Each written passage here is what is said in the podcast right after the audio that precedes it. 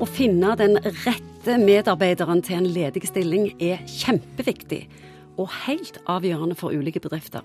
Feil ansettelser er dyrt og får store konsekvenser både for virksomheten og de ansatte. Derfor bruker en mer og mer psykologiske tester som et hjelpemiddel når en skal ansette folk. En må sitte i timevis og fylle ut skjemaer, svare på spørsmål om hvordan en tenker og føler om all slags, og gjerne bli testa i situasjoner òg. Psykolog Egon Hagen er det greit?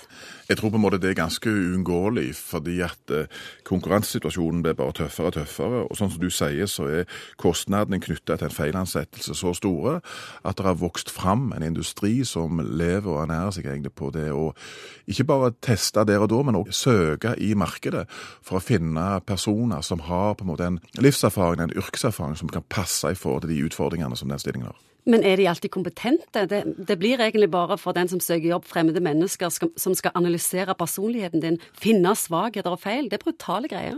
Ja, livet er jo uh, brutalt noen ganger. Og klart at eh, sånn som alle andre sjangre, så er det, uh, så er det useriøse sjarlataner uh, selvfølgelig i denne bransjen. Men jeg tror veldig mange etter hvert har Bransjen har modnes, tror jeg. Så at det er helt andre sertifiseringsordninger nå enn det var tidligere. Sånn at det er lettere å finne seriøse aktører innen dette feltet enn det var før. Langt ifra alle disse testene holder mål, har jeg lest.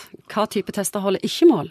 Nei, altså på en måte, Husk på det at i en sånn situasjon så tenker du at eh, det svarmønsteret du får fram, det skal da reflektere hvordan denne, denne, personen er. For det første så er det sånn at personen kan jo ha tenkt seg litt om hvordan ønsker jeg å framstå, og at det du kanskje får i disse svarmønstrene, i større grad er personens egen forestilling om hva type ting er det dere ser etter. Så lager du et mønster etter dette.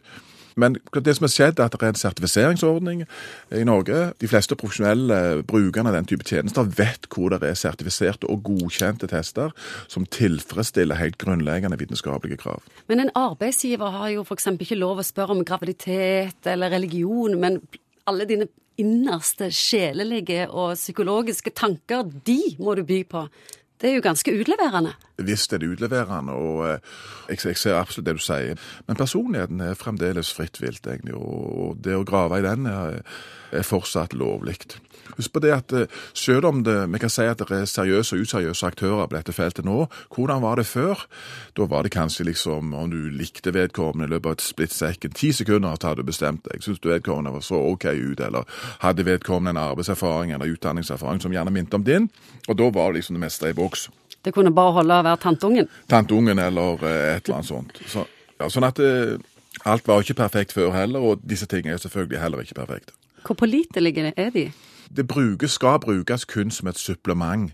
Sånn at Det aller viktigste egentlig i forhold til å ansette folk, det er å sjekke hvordan har vedkommende vært tidligere. Og så skal det suppleres selvfølgelig med, med samtaler og alt dette. Så dette er på en måte et add-on greie som du bruker for å styrke beslutningsgrunnlaget. Det er på ingen måte tilstrekkelig til å si hvem du er. Hvor mye kan en personlighetstest forklare da om en person? Jeg kan forklare en del ting sammenholdt med det jeg sier med resten. Det virker som du er helt udelt positiv til psykologiske tester. Nei, jeg er ikke udelt positiv, men det er jo sånn alt kan jo brukes. Du kan bruke et blodtrykksapparat feil òg. Du må jo kunne det og vite hva det betyr og hva det ikke betyr. Og så må du vite at dette er noe som kan gi mening hvis du har på en måte en bredde av informasjon å fatte denne beslutningen på.